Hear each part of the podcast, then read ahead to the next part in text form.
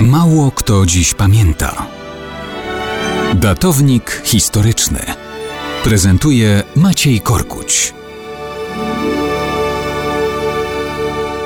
Jeszcze 11 maja 1814 roku negatywne stanowisko cesarza Rosji Aleksandra I blokowało możliwość sprowadzenia do Polski zwłok naszego bohatera narodowego, marszałka Francji, księcia Józefa Poniatowskiego. Następnego dnia, 12 maja 1814, car dał się przekonać i zezwolił na sprowadzenie szczątków do okupowanej przez Rosjan Polski. Książę Józef Poniatowski zginął w bitwie narodów pod Lipskiem, osłaniając odwrót armii Napoleona. Ciężko ranny utonął w nurtach rzeki Elstery. Ciało wyłowiono w kilka dni po śmierci.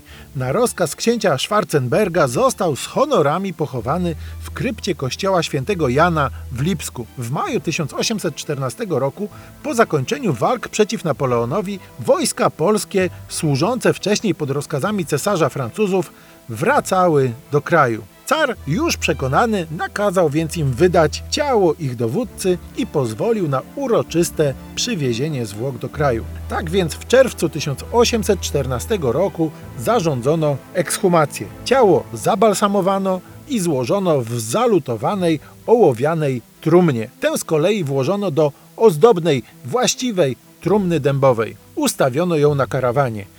I tak w otoczeniu Wojska Polskiego rozpoczął się uroczysty przejazd z Lipska do Warszawy. Żałobny kondukt uroczyście witano w każdej wsi i mieście, które były po drodze. Tak było m.in. w Poznaniu, Koninie, Kole, Kłodawie i Łowiczu, gdzie w kolegiacie trumna czekała na powrót głównych polskich oddziałów z Francji przez kilka tygodni. Na początku września 1814 orszak pogrzebowy mógł już ruszyć do Warszawy.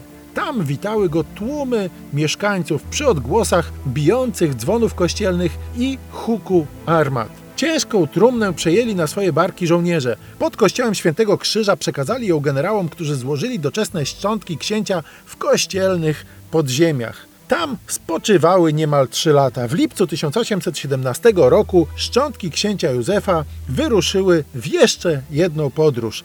Tym razem do Krakowa, gdzie uroczyście złożono trumnę w sarkofagu w katedrze wawelskiej u boku polskich królów i królowych.